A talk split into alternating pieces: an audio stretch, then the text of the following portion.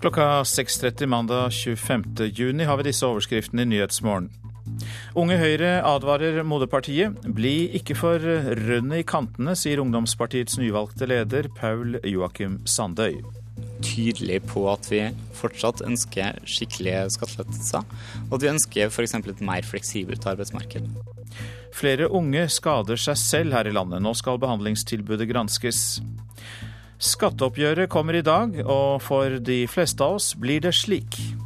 Får tilbake 148 kroner. jeg får tilbake skatt, selvfølgelig. Det sørger jeg for selv. Englands fotballandslag klarte ikke å bryte forbannelsen, og røk nok en gang ut av et mesterskap etter straffespark. Her i studio, Øystein Heggen. Unge Høyre mener at moderpartiet må passe seg for å bli for rudne i kantene. De siste årene har partiet villet snakke mer om mennesker enn milliarder, men Høyre må ikke glemme å være partiet for skattelettelser og en mer liberal arbeidsmiljølov, advarer ungdomspartiet. Nå vil nyvalgt leder av Unge Høyre, Paul Joakim Sandøy, holde Erna Solberg i øret. For Unge Høyre så er det viktig å sørge for at Høyre fortsatt er et tydelig høyreparti. Denne helgen kunne Unge Høyre holde landsmøte til strålende meningsmålinger for moderpartiet. De siste årene har Høyre snakket mer om mennesker enn milliarder, men nå må de passe på å ikke miste brodden, sier den nyvalgte lederen av ungdomspartiet, Paul Joakim Sandøy. Når vi bredder oss som parti, som vi tror er veldig riktig, så er det samtidig viktig å være tydelig på at vi fortsatt ønsker skikkelige skattelettelser, og at vi ønsker f.eks. et mer fleksibelt arbeidsmarked. For dagens skatteletteløfter fra Høyre holder ikke, mener Sandøy. Jeg syns at det ikke er nok, jeg vil ha mer. Og Unge Høyre vil at man skal virkelig legge opp til en politikk der det virkelig lønner seg å jobbe, og komme med solide skattelettelser, særlig for vanlige lønnsmottakere. Også på arbeidslivspolitikken har Høyre vist takter som Unge Høyre ikke synes er høyere nok. Som da arbeidspolitisk talsperson Torbjørn Røe Isaksen på det forrige landsmøtet fridde til fagbevegelsen, bl.a. ved å foreslå færre muligheter til midlertidige ansettelser enn det partiet tidligere har ønsket. Høyre er et parti som står for anstendighet i arbeidslivet. Høyre er et parti som sier nei til utbytting og utnytting. Og Høyre er et parti som også står for de grunnleggende reglene som har formet norsk arbeidsliv. Jeg tror det er viktig at Høyre er de som står på for en mer fleksibel arbeidsmiljølov. Jeg tror i hvert fall det blir viktig å vinne kampene om å, om å få Høyre i riktig retning. Da. Og Reporter her var Sigrid Sollund. Og i Politisk kvarter blir det debatt om arbeidslivspolitikk. Det er da klokka 7.45. I dag kan mange nordmenn vente seg skatteoppgjøret på konto. Vi har vært ute på gata og spurt folk om de er blant de heldige som får ekstra penger å rutte med, og hva pengene skal brukes til. Får du igjen på skatten? Ja, jeg regner med det. Nei, Jeg skulle jo gjerne hatt igjen litt penger, men da har jeg vel ikke fulgt godt nok med, så jeg får dessverre restskatt på 7500. Får tilbake 148 kroner. jeg får tilbake skatt, selvfølgelig. Det sørger jeg for selv. Hva har du tenkt å bruke skattepengene på? De skal jeg bruke på en spatur. Det er bestemt allerede. Jeg skal til Estland i august, og det gleder jeg meg veldig til. Kanskje jeg skal uh, bare for, å, for ferie, vet du, så kanskje en uke. Tyrkia eller et eller annet sted. Nei, så det blir noe ekstra i hverdagen. Budsjetter som skal fylles opp på noen rødtall sikkert, så det kommer vel godt med. Jeg, jeg, tror jeg skal gi det til barnebarna. Ja. Det er moro å gi bort, vet du. De går vel med i dragsuget som, som heter Bylivet i Oslo, da. Kanskje iPad eller noe sånt. Eh, vi har akkurat kjøpt ny leilighet, så jeg skal bruke den der. Mm, pusse opp litt og sånn. Eh, Italia-tur. Ja, to uker. Eh, sommerferie, regner jeg med? Jeg skal bare sløse de bort. ja. Og det var Katrine Humberseth som var ute og loddet stemningen blant de som får igjen penger. Ja, skattedirektør Svein Christensen, god morgen til deg. God morgen. Du har jo med deg de nøyaktige tallene som viser hvor mye vi får tilbake på skatten. Ja, det er ganske mange penger. Det er 2,3 millioner nordmenn som får tilbake 23,6 milliarder i dag. Og det blir stas. Men er det flere som får penger tilbake i år enn tidligere? Litt flere er det. Det er 68 000 som får, får tilbake mer i år enn i fjor. Hva tror du årsaken kan være? Det er egentlig marginale ting når du ser på de store tallene her. Så vi får vel lede oss over det. Nå er det jo ikke alle som får eh, penger i dag. Det er eh, slik at noen får det seinere. Og eh, hva er årsaken til det? Ja, Vi, vi gjør unna et tidligoppgjør i juni, og da prøver vi å ta de aller aller fleste. og Det er 2,9 millioner som får det i, i 25. juni. Og så fra midten av, eller for slutten av juli og framover så legger vi ut Eh, resultatet for resten av skattytere hver eneste uke fram til oktober. Og Det er da næringsdrivende og de som har mer komplisert likning, da? Riktig. De men vi har tatt ut av kontroll. Det behøver ikke være veldig komplisert, men hvis det er slik at vi må ha, sjekke litt av dokumentasjon og se nærmere på saken, så blir de lagt ut eh, litt senere. Ja, Så man skal ikke nødvendigvis eh, frykte at dette tar noe lengre tid? Nei, det syns jeg ikke. Det er klart man får et litt senere oppgjør, men, men de kommer allerede i slutten av juli for veldig mange. Og så er det også da slik at eh, dere har eh, innført en ny rutine i år i forhold til denne gruppen som har litt mer kompliserte ligninger. Ja, altså det vi, det vi, gjør i år, det er at vi legger også ut tidlig oppgjør for de som, eh, de som er næringsdrivende. Og de kan begynne å vente oppgjøret sitt allerede i slutten av juli. De har tidligere måttet vente helt til oktober. Og så er det jo da mange av oss som etter hvert ikke gidder å levere inn selvangivelse. Mange husker vel at vi alltid måtte det, men det må vi altså ikke. Men er det en risiko for at vi kan tape penger på det hvis vi bare lar humla suse og si at dere gjør jobben for oss? Ja, De skal aldri bare la humla suse. Man skal kontrollere både selvangivelsen, og jeg vil også anbefale alle å kontrollere skatteoppgjøret de får i dag. Det er sånn at det kan være feil, og da må de ta opp det med skatteetaten, komme tilbake så raskt som mulig. Klagefristen for skatteoppgjøret det er 10. august. Så det er viktig også å sjekke skatteoppgjøret, selv om du får penger igjen. Og så er det da selvfølgelig de vi ikke må glemme på en dag som denne, de som må betale restskatt. Eh, der er det snakk om frister og rettigheter og kanskje også muligheter for utsettelse med betaling. Eh, hva har vi av rettigheter der? Ja, For det første så, så må de eh, klage de også innen den fristen som er, er, satt, som vi nevnte. Og så har de første innbetalingen er for de som har 1000 kroner og mindre å betale, er 20. august. Og så er det seks uker etter det, så er det, er det andre pulja som de som altså har fått mer enn 1000 kroner. For vi deler opp beløpet i to hvis det er mer enn 1000 kroner. Men for mange er det jo kanskje mye mer enn det. Er det noen mulighet for å få utsatt tilbakebetalingen? Da må de ta det opp med, med kemneren eller skatteoppkreveren i sin kommune og avtale eventuelt en, en ordning. Og det går vanligvis bra når man har gode grunner til det. Som ja, det kan være at man uh, har sitter litt hardt i det, at man uh, trenger den utsettelsen. Men det er jo slik at uh, ingenting er gratis. Da er det renter på det som skal betales inn. Takk skal du ha for at du kom til oss tidlig på morgenkvisten, skattedirektør Svein Christensen. Nå skal vi snakke om oljearbeiderne i Statoil, for de sier at de ble ekstra motivert til å streike etter at Statoil-ledelsen beholdt gavepensjonen, mens de fjernet den for alle andre i selskapet. Statoil-ledelsens holdning gjorde det enklere å gå til streik, sier Leif Sande, som leder Industri Energi, som da sammen med forbundet Safe har tatt ut 700 oljearbeidere i streik. Det tror jeg har gjort at dette her har blitt ekstremt eh, sterke krefter eh, bak kravet vårt fra Statoils side. For at det blir oppfatta så urettferdig at vi går til angrep mot alle de ansatte sine pensjoner fra 62, og så sitter Helge Lund sjøl og tviholder på en pensjonsordning på 4,5 millioner kroner fra 62 år. Leif Sande, leder i eh, Fagforbundet Industri Energi. Mannen som er siktet for drap etter brannen i Orkdal lørdag, nekter straffskyld. Han ble avhørt i går, og i dag avgjør politiet om han skal framstilles for varetektsfengsling. Så vi er i tidlig fase i etterforskninga, og dersom vi går ut med detaljer eh, i saken, så vil jo det kunne skade etterforskninga. Sier politiadvokat Eli Aasland ved Sør-Trøndelag politidistrikt. Det var den 46 år gamle Hege Oppøyen som omkom i brannen i Orkdal lørdag morgen. Samboeren hennes kom seg ut sammen med de to mindreårige barna deres. Et halvt døgn senere ble han sikta for drap. I går ble han avhørt av politiet, men nekter straffskyld og stiller seg uforstående til siktinga, opplyser advokaten hans Kolbjørn Lium til NRK. Også et av barna forklarte seg for politiet i går, sier Aasland. Eh, det har vært ett dommeravhør av ett barn. I dag skal flere vitner avhøres, og teknikere holder fram arbeidet på brannstaden. Den sikta er tidlig i 40-åra, fra Marokko, og kom til Norge for tolv år siden uten identifikasjonspapir.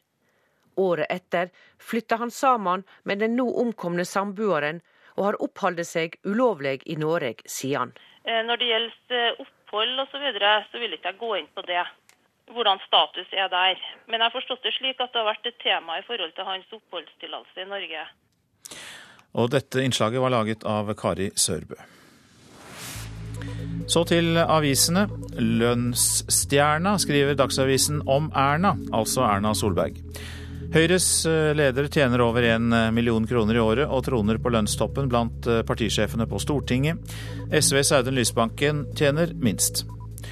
Gullår for Norges 500 største bedrifter, skriver Dagens Næringsliv om fjoråret, altså. De trosser den europeiske krisen med nesten 10% høyere omsetning i gjennomsnitt, selvfølgelig.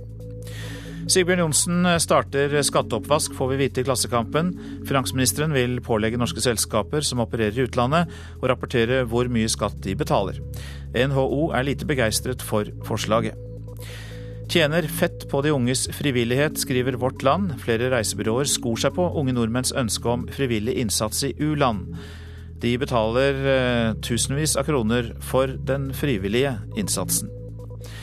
Flere velger norgesferie, kan Nasjonen fortelle. Avisas distriktsbarometer viser at andelen som legger ferien til hjemlandet øker, og at det er folk med lav inntekt som ferierer i Norge i størst grad. Egyptisk folkefest er oppslaget i Aftenposten. Titusener tok til gatene i Kairo da det ble klart at islamisten Mohammed Morsi vant presidentvalget, og nå venter en maktkamp med generalene, skriver avisa. Sjømannens livsfarlige fylleferd, skriver Nordlys på sin forside til bilde av en vraket lastebil. En 22 år gammel sjømann gikk i land i Tromsø, drakk seg full, stjal en lastebil og kjørte den gjennom sentrum og bebodde områder før den endte i grøfta. Utrolig nok uten å skade noen. Nå er den farligst, skriver Dagbladet. Om flåtten, selvfølgelig. For den er farligst tidlig på sommeren, viser forskning. Ekspertenes beste råd mot smerte, det er forsideoppslaget i VG.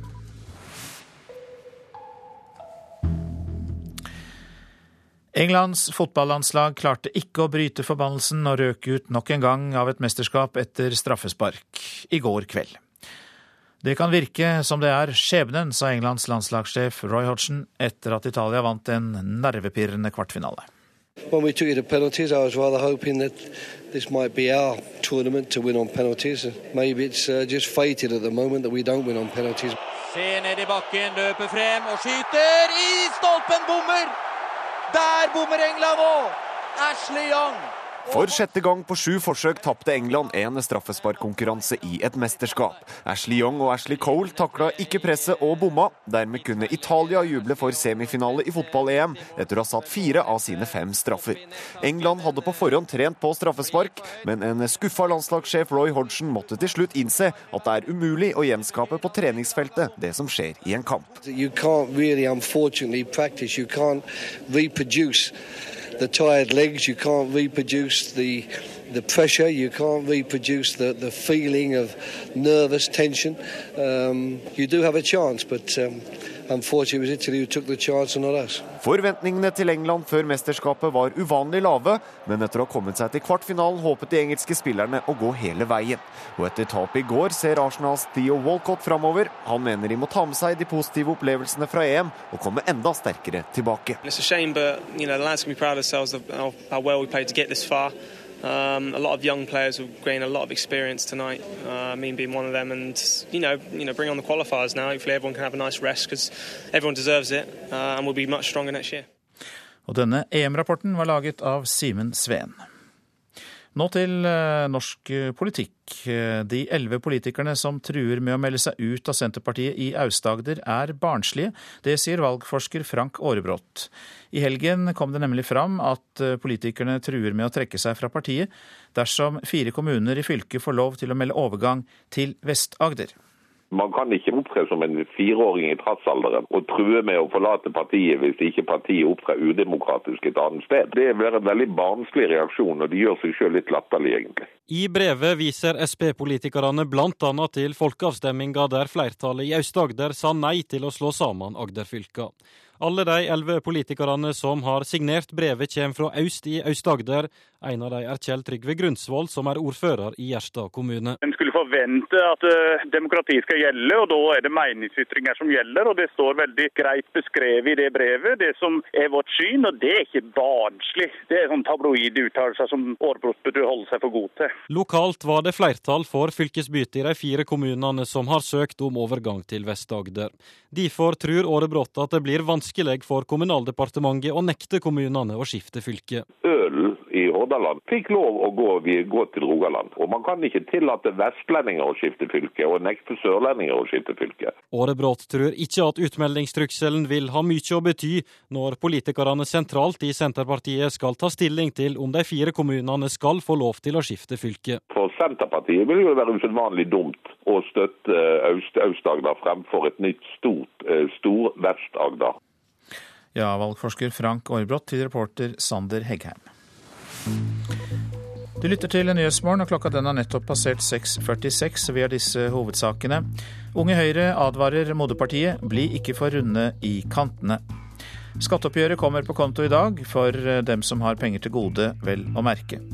Og vi skal høre at flere unge skader seg selv her i landet. Nå skal behandlingstilbudet granskes. Og eh, vi skal også høre at det blir eh, flere tryllekunstnere.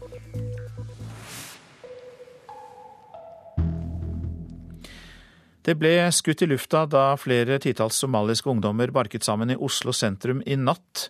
Politiet ble varslet om masseslagsmål og rykket ut med flere patruljer, men ungdommene var borte da disse patruljene kom på plass.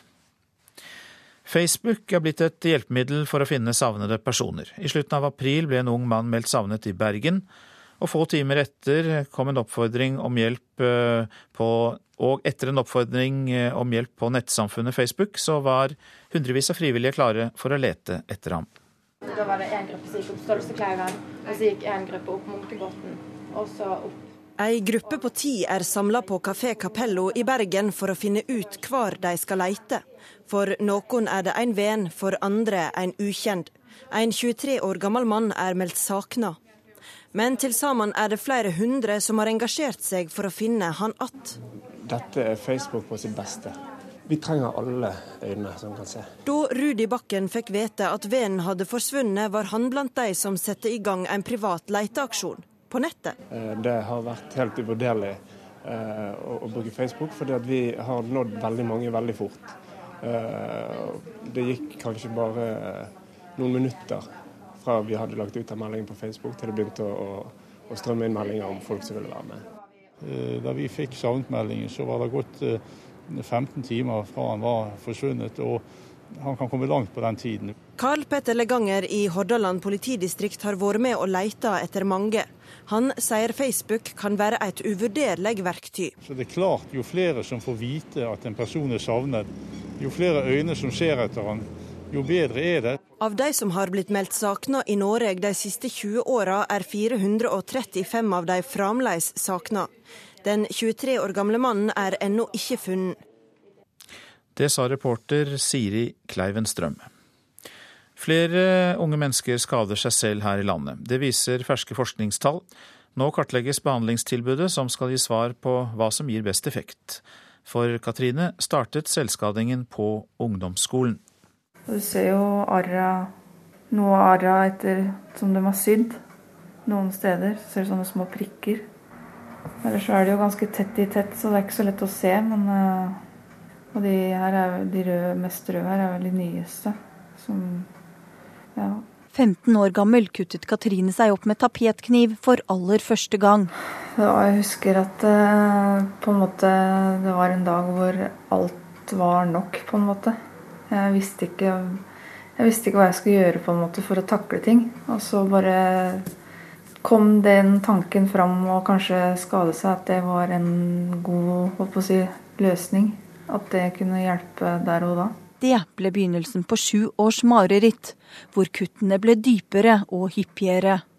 Katrine er en bak tallene som viser at selvskading øker. Tall som viser at 16% av unge jenter og 3,5% av unge gutter her i landet skader seg selv. Stipendiat Anita Johanna Tørmoen jobber med selvskadingsprosjektet ved Nasjonalt senter for selvmordsforskning og forebygging. Tallene bekymrer. Det er en eh, høy forekomst, eh, men dette vil jo si at det er svært mange ungdom som har skada seg selv med vilje en eller flere ganger. Katrine har kjempet for å bli kvitt de vonde følelsene, men også mot folks holdninger. Det er å høre at jeg har måttet slutte å gjøre, drive med det tullet. Um, for det er jo ikke noe tull. Det er jo en alvorlig ting uh, som, som man bør ta på alvor. Fortsatt er selvskading noe man skammer seg over. For to år siden snudde livet til Katrine. Hun møtte samboeren, har fått barn og er gradvis tilbake i jobb. To år har gått siden hun sist brukte tapetkniv. Men det er vondt å se de dype arrene på armene og på halsen. Jeg syns vel det er grusomt, og jeg må innrømme at jeg er flau på en måte. Faktisk. Så jeg, det er sjelden om sommeren sånn at jeg går med T-skjorte. Det, det, prøver jeg helst å unngå. De siste årene har forskere intervjuet 80 pasienter for å finne ut hvilken behandling som gir best effekt. Studien avsluttes snart, sier en spent Tørmoen. Det å komme til noen, det å si ifra til en helsesøster, en fastlege, noen og få en henvisning til spesialisthelsetjeneste, det er første skritt som for mange er veien til et veldig mye bedre liv. I dag lever Katrine et godt liv, men det hadde hun aldri trodd ville skje. Det var helt fjernt for meg at uh, livet kunne snu så, så bra til at uh, jeg har familie og alt det. For jeg, den situasjonen jeg var i, så var alt svart. Reportasjen var laget av Anette Torjussen. Ikke før er fotball-EM over, så starter OL i London, altså om en drøy måned. Det blir kringkastingsselskapet BBCs største satsing noensinne. Nettsidene til BBC skal formidle over 50 øvelser samtidig, og på de to største TV-kanalene til kringkasteren blir det sendt 550 timer olympisk sport nesten hele døgnet. We're going to be broadcasting on our main channels about 550 hours. We're going to be broadcasting from 6 in the morning till 1 o'clock in the morning. TV-satsingen er stor. Totalt blir de olympiske leker i London større enn noen annen begivenhet BBC har gjort før. Det forteller Dave Gordon, sjef for store arrangementer hos BBC Sport. Den massive dekningen som ingen brite har sett maken til, involverer hele den britiske kringkastingen. Every part of the BBC is committed to making some content, you know, no matter whether you work in children's television. Uansett om en til vanlig jobber med barne-TV, underholdning, musikk, dokumentar eller nyheter, så er man forpliktet til å bidra til OL-sendingene. Nå er det en drøy måned til mesterskapet starter. OL-ilden er på vei mot London, fakkelbærerne jubles frem langs ruten og BBC dekker det hele kontinuerlig på nettsidene sine. Very interesting at the moment with the Olympic torch relay going around the UK. I mean, we've noticed phenomenal interest in that. Norge er en av 204 nasjoner som deltar i sommer-OL, og interessen for de olympiske leker er stor. For fire år siden fulgte hundretusener av nordmenn med da Olaf Tufte tok gull i OL i Beijing. Olaf Tufte i mål! Olympisk gull! Gullmedaljevinneren sier at det er noe helt spesielt med OL. OL er spesielt, og det er vanvittig stort. Men eh, det er også vanvittig kult når det går bra. Olav Tufte kan du følge på NRK, for her hjemme er det Rikskringkastingen som har rettighetene til å sende fra sommer-OL. Og også NRK har lagt ambisiøse planer for mesterskapet. Vi skal teppelegge stort sett eh, både NRK1 og NRK2 24 timer i døgnet. Eh, det blir OL fra morgen til ettermiddag til kveld til natt og opp om morgenen igjen. Det forteller sportssjef Rune Haug. NRK har også sju egne nett-TV-kanaler som sender mye av det som ikke kommer på vanlig fjernsyn. For ikke å glemme radio. I likhet med BBC så satser NRK stort. For NRK så er OL det største enkelteventet i 2012 veldig få ting samler folk i så stor grad foran spesielt TV-apparater som det et OL gjør.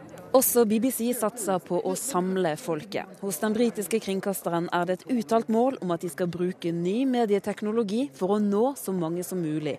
Også de som Dave Gordon omtaler som såkalte OL-fornektere. Yeah, you know, Olympic deniers. You know, there are people, you know, there are you know people who don't like sport and people who don't think the Olympics should be coming to the UK. Well, I can't help that. Nei, jeg kan ikke gjøre noe med det, sa Dave Gordon, at det alltid er noen som ikke liker sport. Reporter Turi Grønbekk. Tryllekunstnernes ungdomsforening har opplevd stor medlemsvekst de seneste årene, viser det seg. YouTube og TV-programmer som Norske Talenter får mye av æren for det. Men erfarne tryllekunstnere er lite begeistret for at yngre kolleger kopierer triks fra YouTube. For de erfarne tryllekunstnerne er nemlig faget en skapende kunstart. Nå skal jeg få ruterest og hjerterest til å bytte plass. Så gjør jeg sånn. Men så, siden jeg er tryllekunstner, så får jeg det til å sveve opp i lufta og fly rundt i rommet og tilbake inn i hånda mi. Foran forventningsfulle barneøyne på Norsk Tryllemuseum i Oslo blir den gamle, slitte kortstokken til Alexander Haugås plutselig magisk. Så er de røde S-a kommet i min hånd, og under deres hånd er de to svarte S-ene. Hvordan gjorde du det? Lederen for Magisk juniorsirkel gleder seg over at Norges eneste tryllekunstnerforening for ungdom nå tiltrekker seg nye medlemmer. I løpet av tre år så har det vært 50% økning, og det er veldig bra. Du har jo fingerferdigheter, og du har rett og slett talent. Dette var dritbra. I 2009 fikk da 17 år gamle Alexander skryt av Thomas Giertsen for innsatsen sin i Norske Talenter. Alexander er en av flere tryllekunstnere som er kommet langt i konkurransen. Han tror denne typen eksponering, i tillegg til YouTube, har mye å si for den økte interessen. Det har vært en periode hvor eh, tryllemiljøet har eh, dabba litt av. Men nå så lærer veldig mange mye på YouTube f.eks. Det er ikke jeg så begeistra for. Med artistnavnet Davido er Bjørn David Fevåg president i Magisk sirkel. Han synes den økte trylleinteressen er fantastisk, men har lite til overs for YouTube som instruktør. Så jeg prøver å oppdra de unge da, til å skjønne at det fins annen trylling enn det de ser på YouTube. Og eh, jeg prøver å oppdra dem til å kunne lage ting selv, da. Fordi jeg mener også at trylling skal være skapende kunstart, da. Ah, bravo! Skjønte du hvordan du, trikset ble gjort, eller? Nei, jeg aner ikke. Foran de forbløffede barna på Tryllemuseet ser Alexander Haugås at Davido har et godt poeng. Men eh, hvis man klarer å finne på noe som gjør det originalt, altså ha en annen innpakning, istedenfor å kle seg som en klassisk tryllekunstner, så kler man seg kanskje ut som en eh, kjeltring og gjør noen eh, triks hvor man eh, later som at man tryller til seg lommeboka eller noe sånt. Og det gjør det mye mer interessant hvis man ikke har sett det før. Davido til reporter Gjermund Jappé. Så til enda en av verdens dyrearter som er utdødd. Skilpadden ensomme George døde i går. Han var det siste kjente eksemplar av sin art. Det var dyrepasseren hans gjennom de siste 40 år som fant George død i korallrevene. George var selve stjerna i nasjonalparken, som besøkes av nesten 200 000 mennesker hvert år. Han ble 100 år gammel. George ble oppdaget på en øy i 1972, da alle trodde at arten allerede var utdødd. I flere tiår har man forsøkt å pare ham med to hunnskilpadder fra en art som ligner, men uten resultat. De store skilpaddene på Galapagosøyen var blant artene som bidro til at Charles Darwin kunne utforme sin utviklingsteori. Reporter Øyvind Nyborg. Sånn og nord om været i dag. Fjell i Sør-Norge får regnbyger. I kveld blir det fortsatt byger lengst i nord, men ellers i fjellet så blir det opphold. Østlandet får varierende skydekke i dag og regnbyger. Det kan bli utrygt for torden også. Mest nedbør sørøst på Østlandet. I kveld blir det lettere vær. Telemark regnbyger, utrygt for torden. I kveld lettere. Agder får enkelte regnbyger. Det blir få byger i Vest-Agder, riktignok. Utrygt for torden. Det kan bli perioder med sol i Agder, og i kveld så klarner det opp. Stiv kuling vest for Lindesnes fra i ettermiddag. Vestlandet sør for Stad enkelte regnbyger i indre strøk, for øvrig lange perioder med sol. Fra i ettermiddag nordvest stiv kuling på kysten sør for Nordfjord. Møre og Romsdal perioder med regn eller regnbyger i indre strøk, ellers stort sett opphold, lokal tåke. Trøndelag til dels pent vær, utrygt for enkelte regnbyger i indre og sørlige områder. Helgeland, Saltfjellet, Salten og Ofoten enkelte regnbyger i indre strøk, ellers opphold og noe sol. Lofoten og Vesterålen stort sett pent. Troms mye pent vær, men enkelte regnbyger fra i ettermiddag i indre strøk. Finnmark lettskyet pent vær, kan hende enkelte regnbyger sør på vidda. Fra i ettermiddag spredte regnbyger. Nordensjøland på Spitsbergen litt regn og yr. Temperaturer klokka fem, Svalbard fire, Kirkenes ni, Vardø åtte, Alta ti, Tromsø åtte, Bodø 13, Brønnøysund 16. Trondheim 13, Bergen 10, Stavanger 11, Kristiansand 10, Gardermoen og Lillehammer 11. Røros 6 grader, og klokka fem så hadde Oslo-Blindern 11 grader.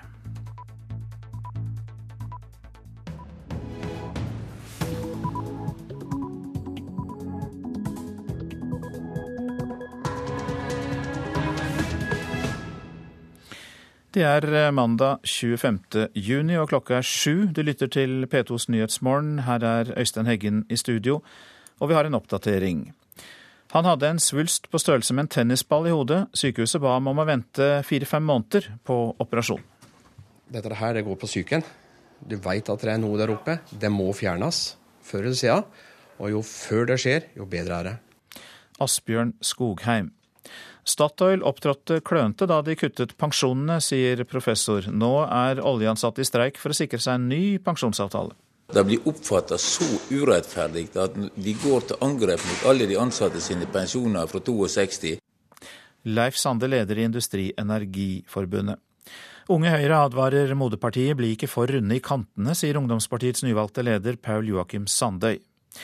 I dag kan mange av oss vente skatteoppgjøret på konto. Flertallet av oss får faktisk penger igjen. Det er 2,3 millioner nordmenn som får tilbake 23,6 milliarder i dag. Og det blir stas. Sier skattedirektør Svein Christensen. Flere unge skader seg selv her i landet. Nå skal eh, behandlingstilbudet granskes.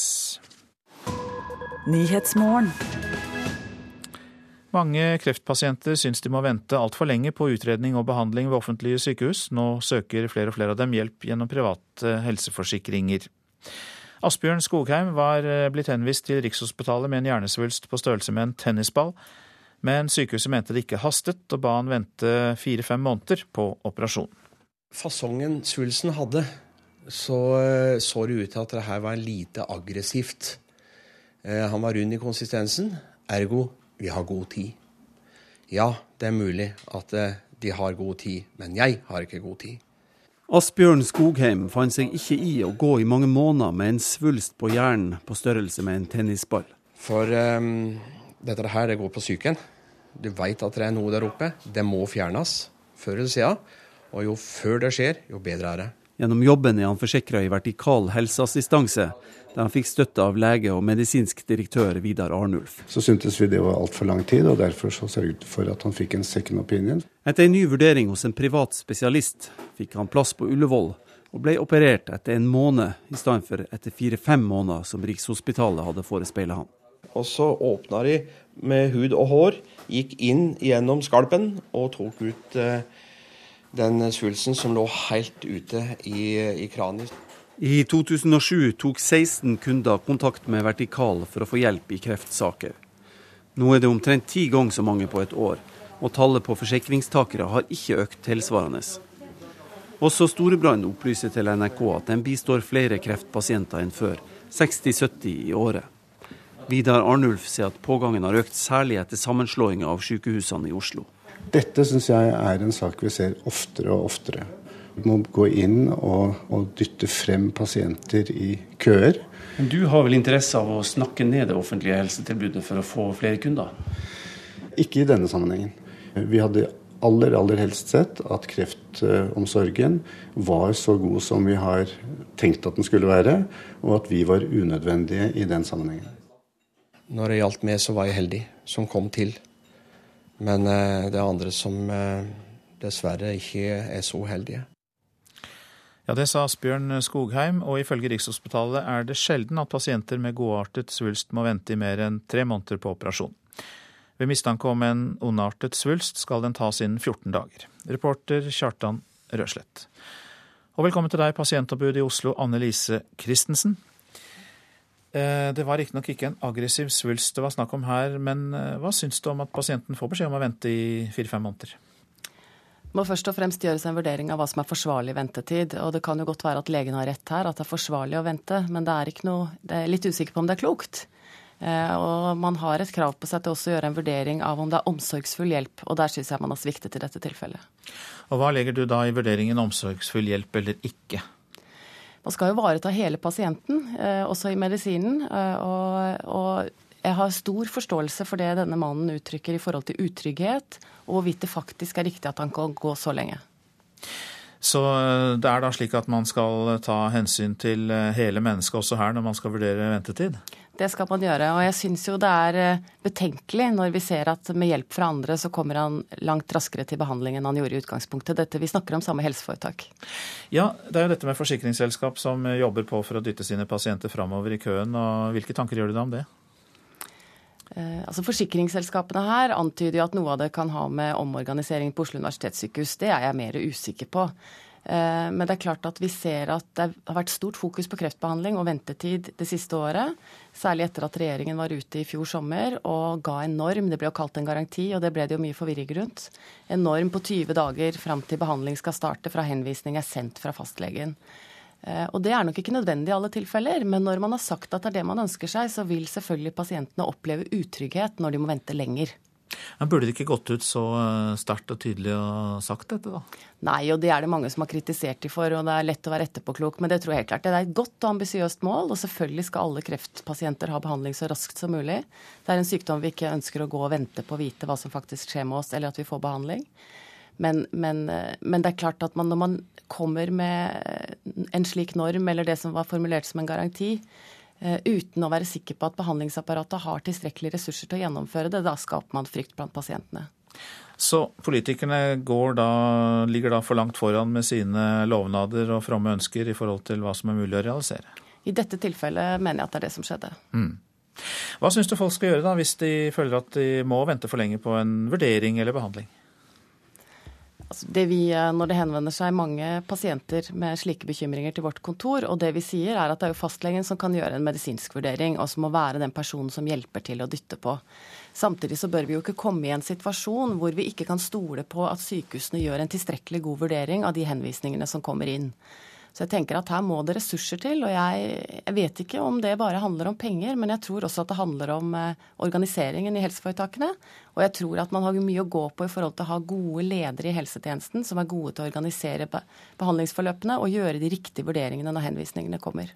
Og du sa jo at du tror ikke det var som det ble antydet i innslaget her, at det var sammenslåingen i Oslo og sykehusene der som eh, kunne være noe av årsaken til ventetiden? Altså Jeg tror ikke nødvendigvis at det er det. Jeg tror folk ventet tidligere også, men jeg tror det er veldig mye mer fokus på det. og Derfor kommer det frem, og det er flere som henvender seg når de må gå og vente. Mange takk for at du kom til oss i Nyhetsmorgen, pasientombud i Oslo, Anne Lise Christensen. Takk skal du ha. Oljearbeiderne i Statoil ble ekstra motivert for å streike etter at Statoil-ledelsen beholdt gavepensjonen for seg men fjernet dem for alle andre i selskapet. Statoil-ledelsens holdning gjorde det enklere å streike, sier Leif Sande, leder i Industri- og Energiforbundet, som da sammen med forbundet Safe har tatt ut 700 oljearbeidere i streik. Det tror jeg har gjort at dette her har blitt ekstremt eh, sterke krefter eh, bak kravet vårt fra Statoils side. For at det blir oppfatta så urettferdig at vi går til angrep mot alle de ansatte sine pensjoner fra 62, og så sitter Helge Lund sjøl og tviholder på en pensjonsordning på 4,5 millioner kroner fra 62 år. De siste tre månedene har raseriet bygget seg opp hos Statoil-ansatte. Med et pennestrøk ble gavepensjon fjernet, en ordning som hadde sikret alle full pensjon fra 62 år. Raseriet ble ikke noe mindre da Helge Lund og andre i ledelsen beholdt sine lukrative gavepensjoner. Og Det har gjort at det er blitt ekstra stor aggresjon der. Oljeansatte i Safe og Industri Energi er i streik for å få en avtalefestet rett til full pensjon fra fylte 62 år. Statoil sier at bedriften forholder seg til pensjonsreformen som alle andre bedrifter. OLF, som forhandler på vegne av arbeidsgiverne, uttaler at pensjonsspørsmålet ikke hører hjemme i en tariffavtale. Men så enkelt er det nødvendigvis ikke, sier BI-professor Øystein Noreng. Forstår begge parter, men altså, oljearbeiderne har veldig gunstige arbeids- og lønnsvilkår sammenlignet med resten av det norske samfunn. Men dette har vært en forhandlingssak. Det ble fallet fram i 1998, og da er det galt kan du si at arbeidsgiverne plutselig ensidig avskaffer noe som har vært forhandlet fram. Og det er underlig. altså Statoil da her i Norge går, ut, går inn for å lønne direktørene enda bedre og ta bort rettigheter som arbeidstakerne har forhandlet seg fram til. Er det urimelig? Jeg syns det er urimelig. i hvert fall Den klønete måten å gjøre det på. Hvorfor skal oljeansatte ha bedre pensjon enn alle andre? Nei, man skal ikke ha det. Når vi i sin tid fikk dette på plass, tariffesta den gavepensjonen på toppen, så var det jo vi hadde eh, veldig veldig mange andre som hadde det. Og dette er jo ikke noe som folk ikke har eh, rundt omkring i dag. Det er bare at du har fått en ny pensjonsreform, og da har de på en måte lagt om pensjonsordningene. Men pengene som går til pensjon, har jo i de fleste tilfeller blitt opprettholdt på samme nivå. Leif Sande hørte vi der. Han er leder i forbundet Industri Energi. Reporter Line Tomter. Ja, fredag var den ti uker lange rettssaken mot Anders Behring Breivik over i Oslo tingrett.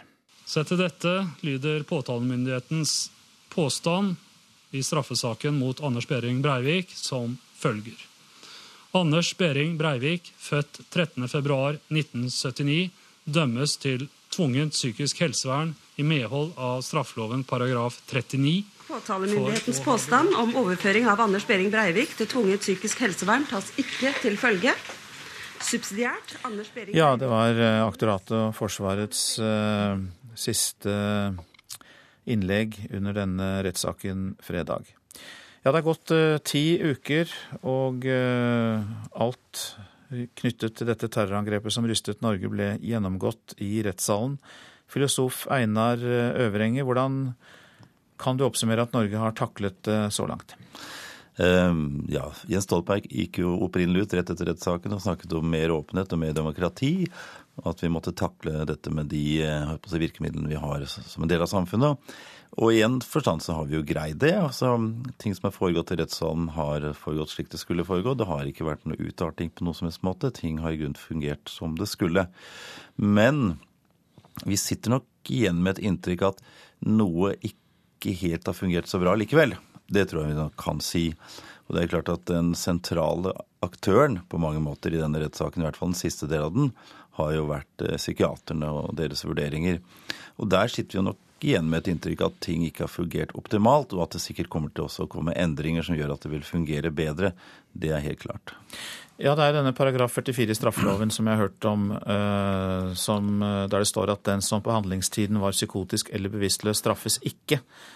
Hva mener du om behovet for å endre den paragrafen? Jeg er nok, i likhet med nesten absolutt alle andre, mener at Norge da bør ta den samme posisjonen som bortimot resten av alle rettsstater i verden at én ting er at du har en psykose, men, men, at det skal også bygges en link mellom den psykosen og det du faktisk har gjort. Det tror jeg er viktig. Nå er det ikke nødvendigvis bare den paragrafen som er problematisk der. Vi har nok også, Dette er nok første gang rettspsykiatrien har blitt satt under loop, offentlig lupe på jeg vet ikke hvor mange år, 20-30 år antageligvis. Og hva er det vi fikk se da? Og jeg tror nok vi fikk se ting som ikke fungerte helt eh, bra. Den første rapporten har utvilsomt store svakheter, både metodisk, helt klart eh, dokumentert, og også holdt på å si, forholdet mellom observasjoner og konklusjoner. Og det er ikke bare fjerndiagnostisering fra, fra andre psykiatere, det er rett og slett mennesker som har satt seg ned og lest deres rapport og sett at her er det manglende samsvar. Vi har også sett en rettsmedisinsk kommisjon som har oppført seg jeg vil jo si, underlig.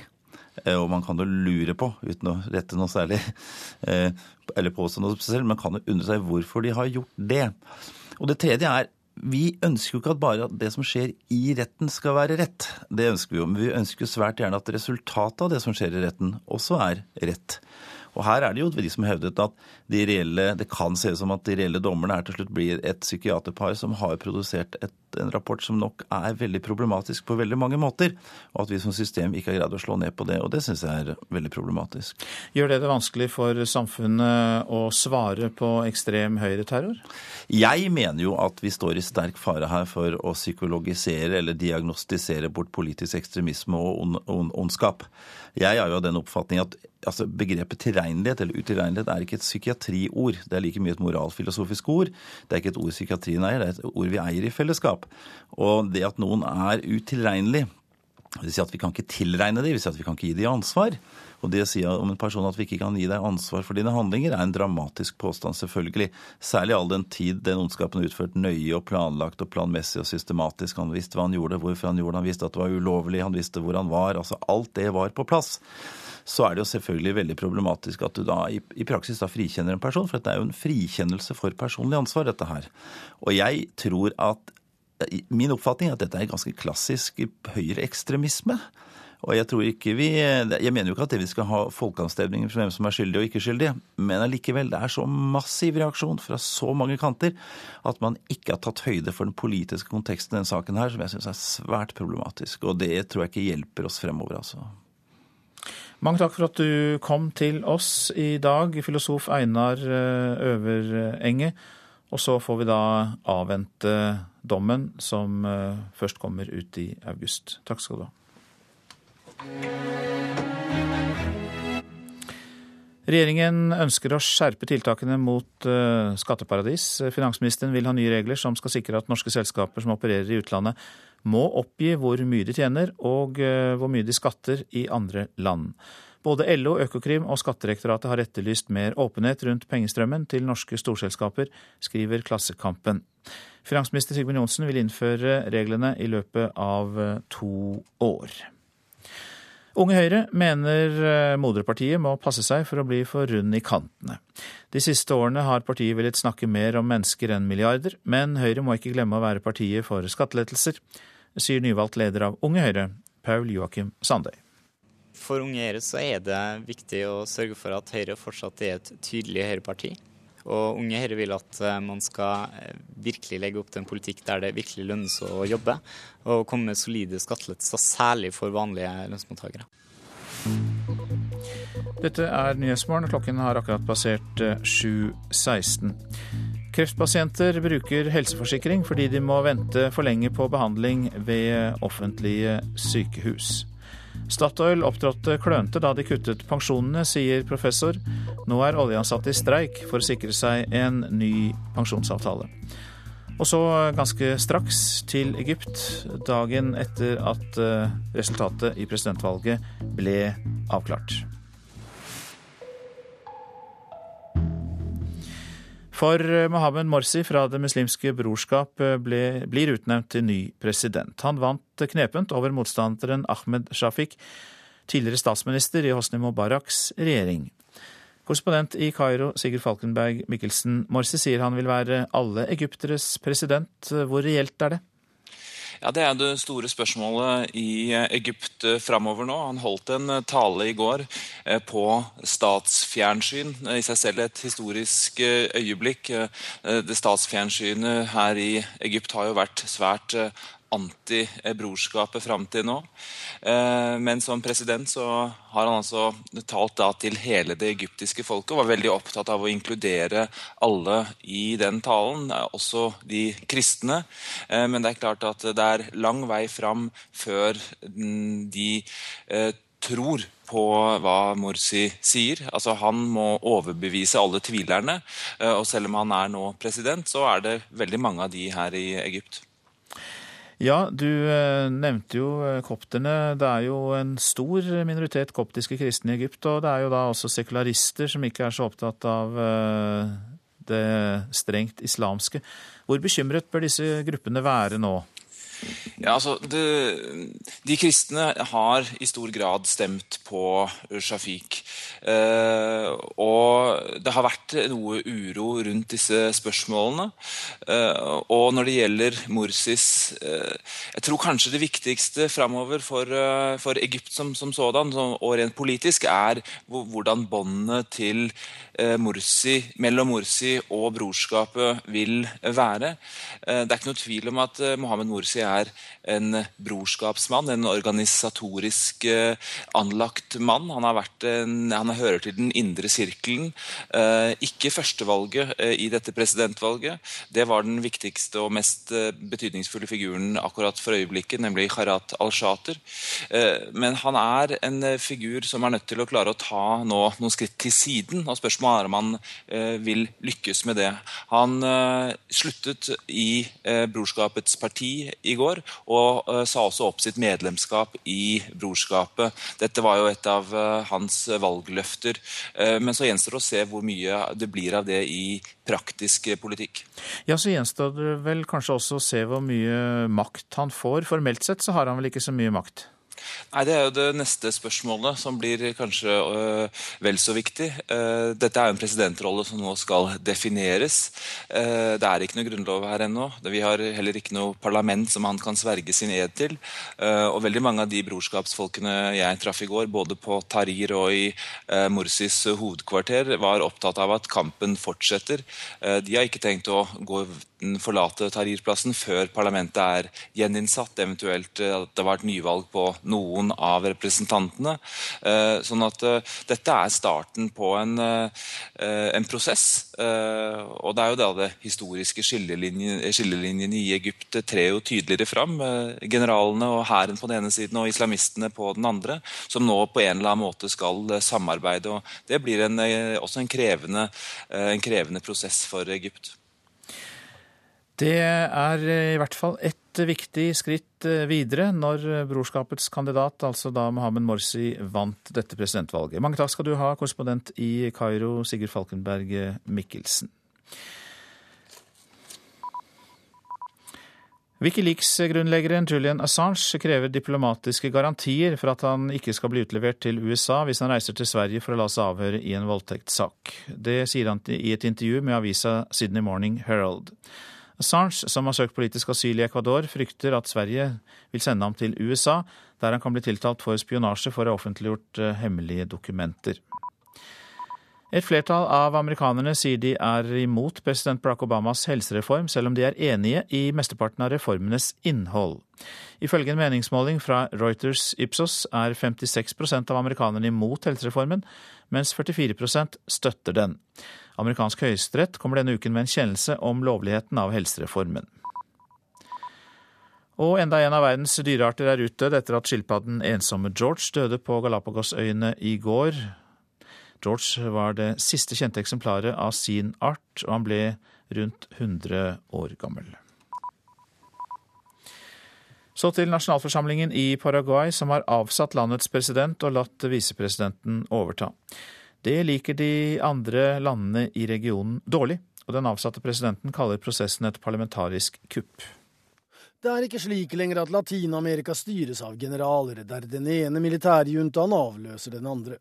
Pinochets, Galtieris og Somosas tid er forbi, og for kystløse Paraguay tok denne epoken slutt da landets diktator gjennom 35 år Alfredo Strøsner ble avsatt i 1989 symptomatisk nok av en ny generasjon offiserer som åpnet for ytringsfrihet og frie valg. De mellomliggende 20 årene har vært preget av fortiden, av mangel på demokratiske institusjoner og tradisjoner.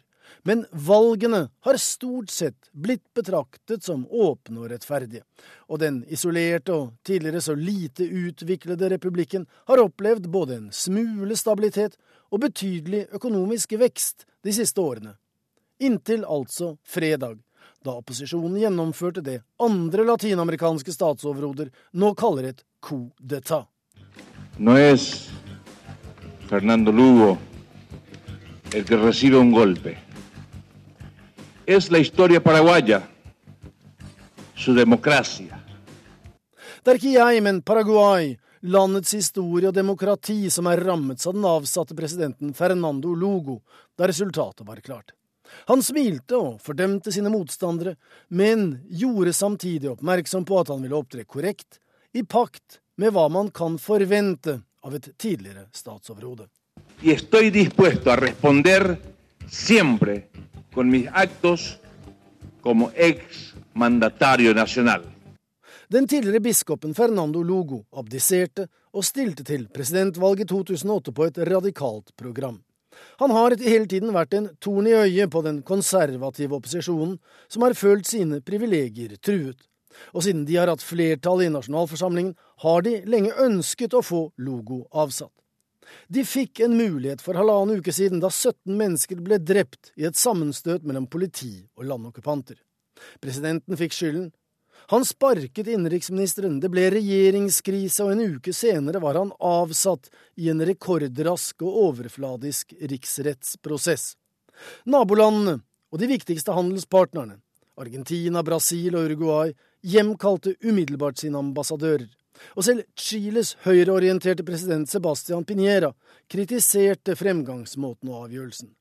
Fernando Lugo hadde ett år igjen av sin presidentperiode, og hadde allerede varslet at han ikke ville ta gjenvalg.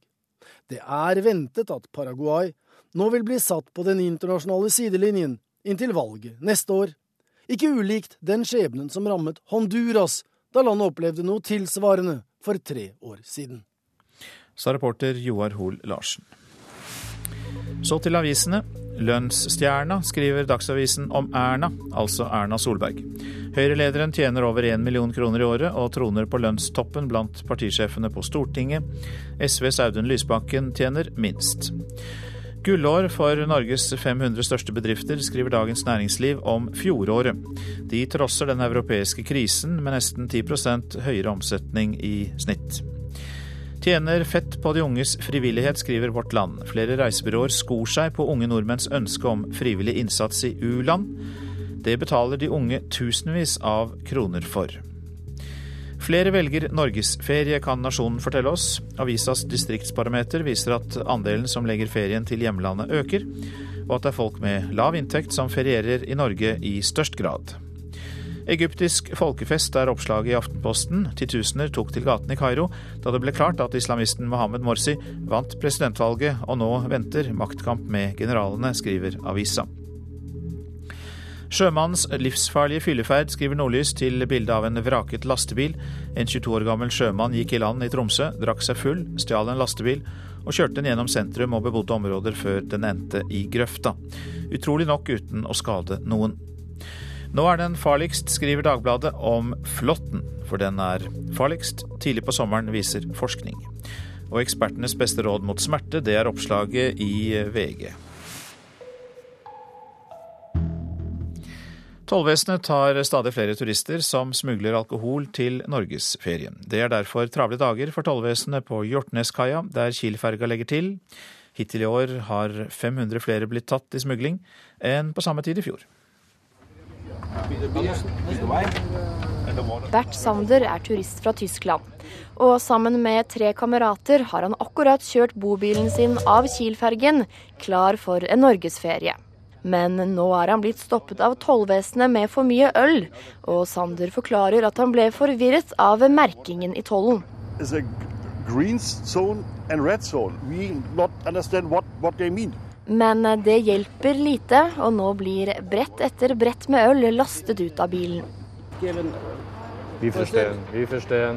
Aber vi, vi en reaksjon Reaktion äh, machen. Paul Ask i tollvesenet Oslo og Akershus forklarer at tyskerne vil få bot. Han har det travelt for tiden. Det er storinnrykk av turister i bobiler som ikke ønsker å bruke penger på dyr alkohol. Nå har vi da fire tyske fiskere som skal eh, noen uker opp på Vestlandet og fiske.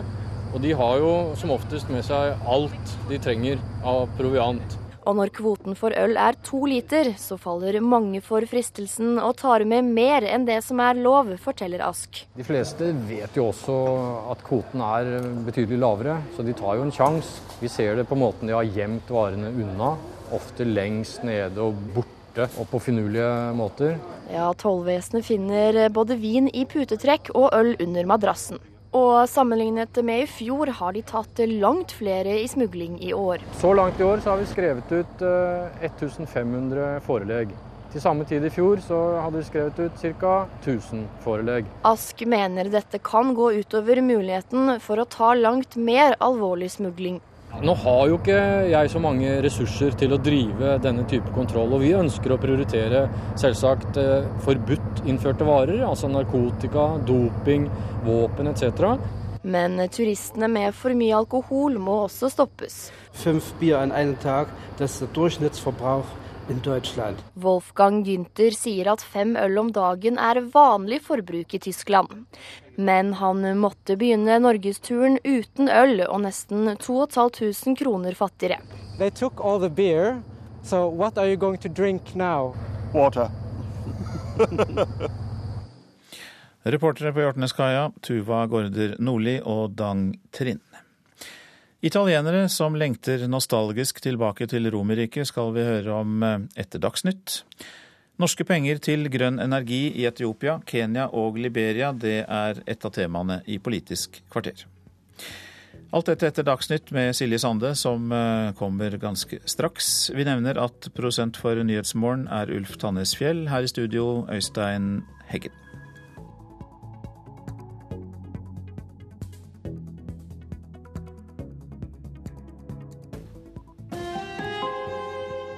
Hør ekko. Vi bor ikke lenger i et trygt land. Jimmy Åkesson, lederen for det innvandringskritiske partiet Sverigedemokraterna, får 8,7 oppslutning i siste meningsmåling. Betyr det at Sverige har 400 000 rasister? En time ekko i hele sommer mellom klokka ni og ti i NRK P2.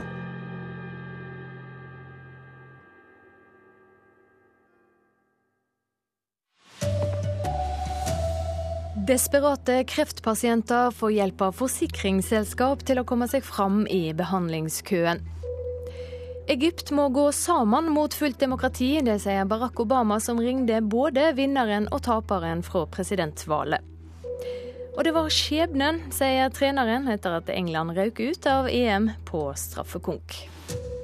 God morgen, her er NRK Dagsnytt klokka 7.30. Flere og flere kreftpasienter som synes ventetida for kreftbehandling er for lang, søker hjelp hos private helseforsikringsselskap. Asbjørn Skogheim hadde en svulst i hjernen på storlek med en tennisball. Rikshospitalet mente svulsten ikke var aggressiv, og ba han om å vente en fire-fem måneder. Legen der sa vi har god tid. Ja, det er mulig at eh, de har god tid, men jeg har ikke god tid. Asbjørn Skogheim fant seg ikke i å gå i mange måneder med en svulst på hjernen på størrelse med en tennisball. Du veit at det er noe der oppe. Det må fjernes før eller siden. Og jo før det skjer, jo bedre er det.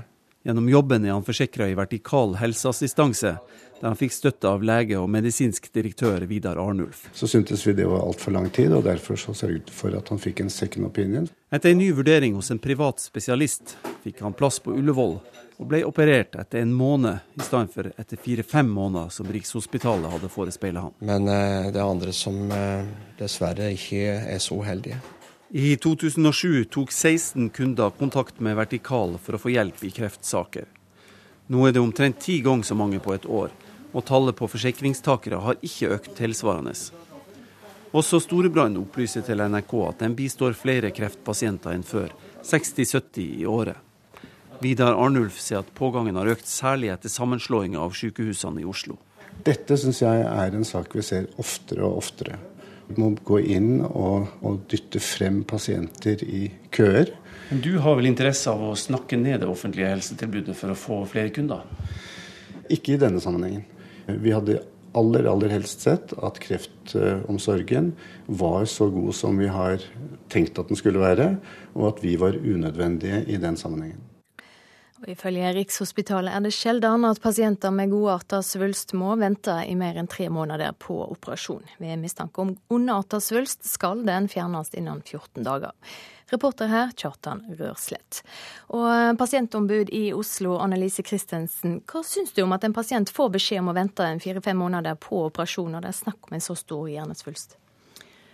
Som legen sier, det kan jo være forsvarlig å vente, men jeg tror neppe det er klokt. Og jeg vil heller ikke kalle det omsorgsfull hjelp, som også er en plikt for helsetjenesten. Man må se på helheten i pasientens tilstand. Ja, Hva sier det om helsevesenet at forsikringsselskaper skubber sine pasienter framover i køen? Vi ser jo dessverre at det er flere som er med å skubbe pasienter frem, både forsikringsselskap og media. Og det vi må ha som en klar forutsetning, er jo at det er helsetjenesten som gjør en god vurdering av pasientens tilstand helt uavhengig av hvilke aktører som hjelper til i den prosessen. Men Det har jo vært snakk om garantier her. Hvor raskt har folk rett til undersøking og behandling dersom det er mistanke om kreft? Altså, regjeringen har gitt helseforetakene i oppdrag å gi åtte av ti kreftpasienter behandling innen 20 dager etter at henvisningen er kommet til sykehuset. Fungerer det? Jeg tror det fungerer veldig forskjellig, og jeg tror vi har veldig ulike rapporteringer. Så jeg tror vi, er, vi kan ikke med sikkerhet se hvordan bildet er. Man burde følge opp rapporteringene, sånn at man ser hvordan helseforetakene følger opp denne målsettingen. Takk skal du ha for at du kom i studio, Annelise Christensen. Oljearbeiderne i Statoil ble ekstra motiverte for å streike da Statoil let ledelsen beholde sin gavepensjon, mens alle andre i selskapet mista den. Holdninga til Statoil-ledelsen gjorde det enklere å gå til streik, sier Leif Sande, leder i Industri Energi, som sammen med forbundet Safe har tatt ut om lag 700 oljearbeidere i streik. Det blir oppfatta så urettferdig at vi går til angrep mot alle de ansatte sine pensjoner fra 62, og så sitter Helge Lund sjøl og tviholder på en pensjonsordning på 4,5 millioner kroner fra 62 år. De siste tre månedene har raseriet bygget seg opp hos Statoil-ansatte. Med et pennestrøk ble gavepensjon fjernet, en ordning som hadde sikret alle full pensjon fra 62 år. Raseriet ble ikke noe mindre da Helge Lund og andre i ledelsen beholdt sine lukrative gavepensjoner. Og det har gjort at det er blitt ekstra stor aggresjon der. Statoil sier at bedriften forholder seg til pensjonsreformen som alle andre bedrifter. OLF, som forhandler på vegne av arbeidsgiverne, uttaler at pensjonsspørsmålet ikke hører hjemme i en tariffavtale. Men så enkelt er det nødvendigvis ikke, sier BI-professor Øystein Noreng. Oljearbeiderne har veldig gunstige arbeids- og lønnsvilkår sammenlignet med resten av det norske samfunn. Men dette har vært en forhandlingssak. Det ble fallet fram i 1998. Og da er det galt kan du si, at arbeidsgiverne plutselig ensidig avskaffer noe som har vært forhandlet fram. Reporter Line Tomter. Både vinneren og taperen i det egyptiske presidentvalget fikk sent i går kveld en telefon fra Barack Obama.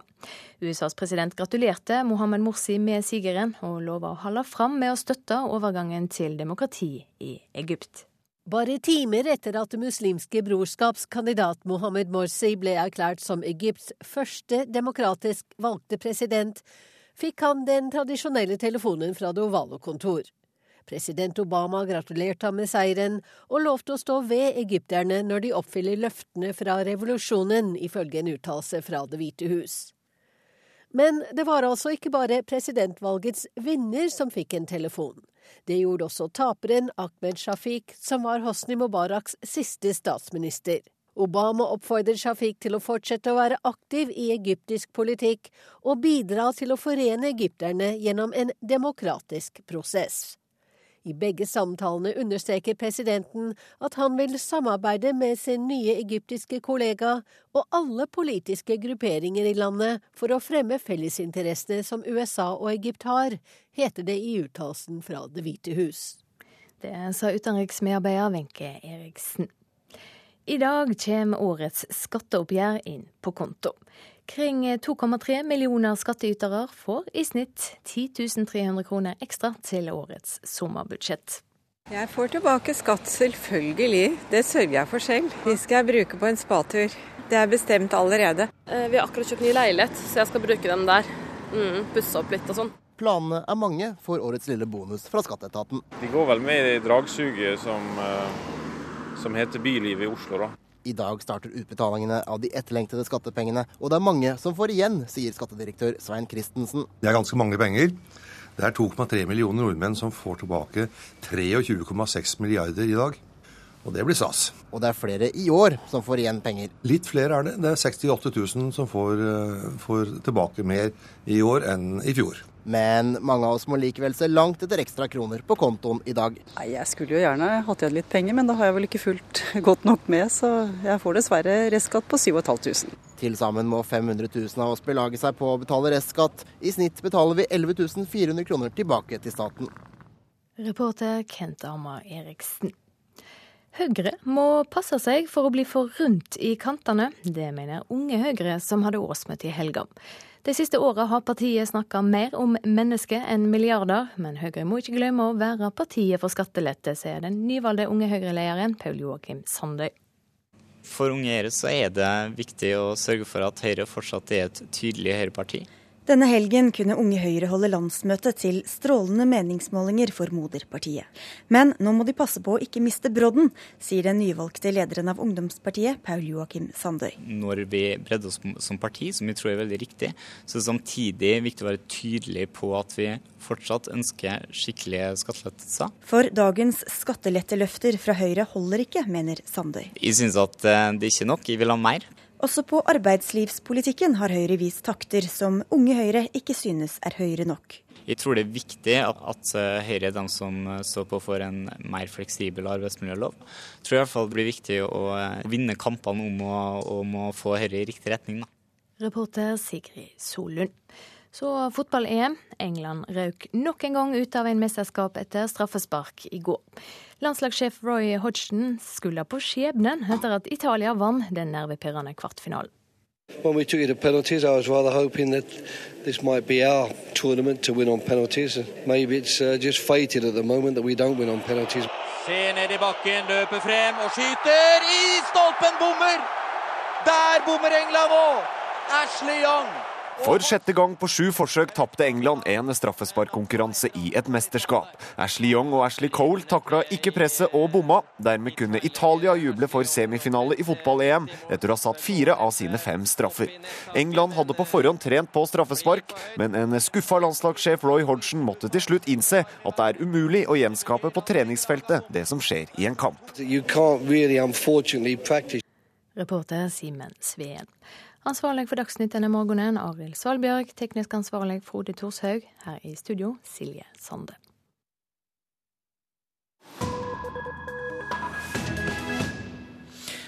Ja, Italia senket England i fotball-EM i går, men det er bare en fattig trøst for italienere som virkelig lengter tilbake til landets storhetstid. Og da tenker de ikke på Berlusconis eller Mussolinis Italia, men Romerriket helt uavhengig av eurokrise og fotballresultater. Romerske sverd og rustninger skinner igjen under den italienske sol. Legionærer stiller seg opp i kampformasjon med røde og gullmalte skjold foran seg. En av soldatene har en stor, rund fjær på toppen av den blanke hjelmen for å kjempe mot barbarerne. Il centurione era un ufficiale, era quello che stava di fronte alla sua legione e quindi era il primo a rischiare la propria pelle. Jeg er eh, Centurion, en offiser som risikerte livet sitt ved å stå i fremste rekke. Han skulle være et referansepunkt for de andre soldatene, og det er derfor han hadde fjærene i hjelmen, sier Antonio Scalzi. Han er en av dem som ukentlig gjenskaper store slag på et jorde utenfor Roma, byen som en gang var høysete for imperiet som strakk seg fra Skottland til Afghanistan.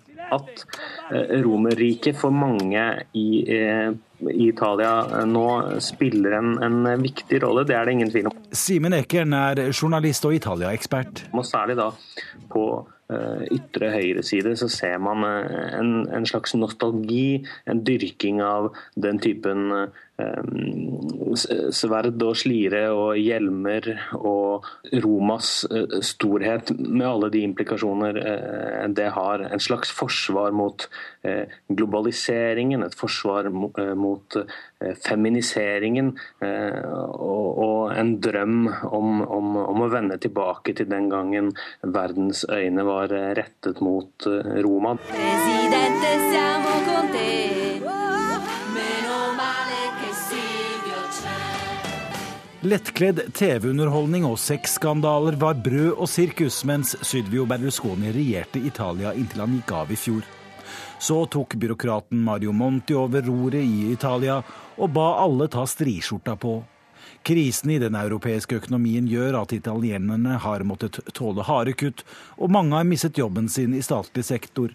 Ja, Det er jo eh, interessant at eh, Berlusconis tid ved makten ble jo av veldig mange observatører eh, nettopp sammenlignet med en sånn Romerrikes eh, siste dager. En ekstrem dekadanse. Men så dukker altså Mario Monti opp, denne eh, litt grå og kjedelige eh, byråkraten. og man fikk i alle fall i, i begynnelsen eh, en slags følelse av at de ville heller ha eh, blod, svette og tårer, nærmest, eller eh, en slags påminnelse om at ja, vi italienere er ikke den parodien på en italiener som Berlusconi og hans menn har representert.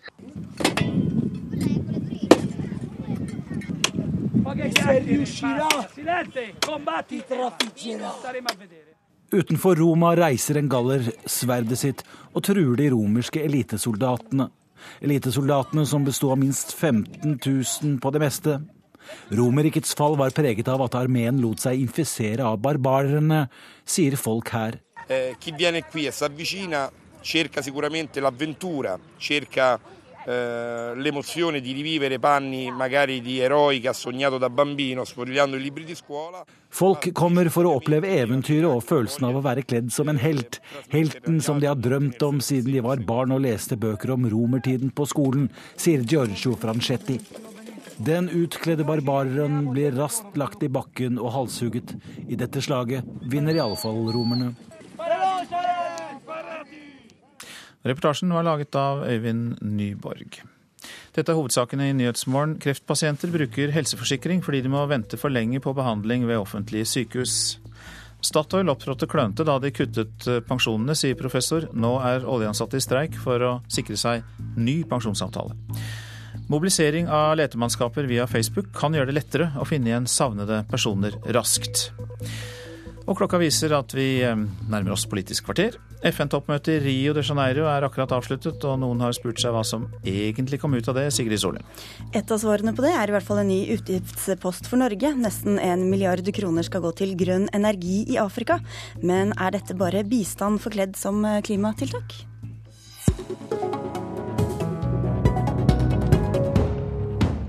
Norge vil altså hjelpe land i Afrika å skaffe seg mer energi på miljøvennlig vis.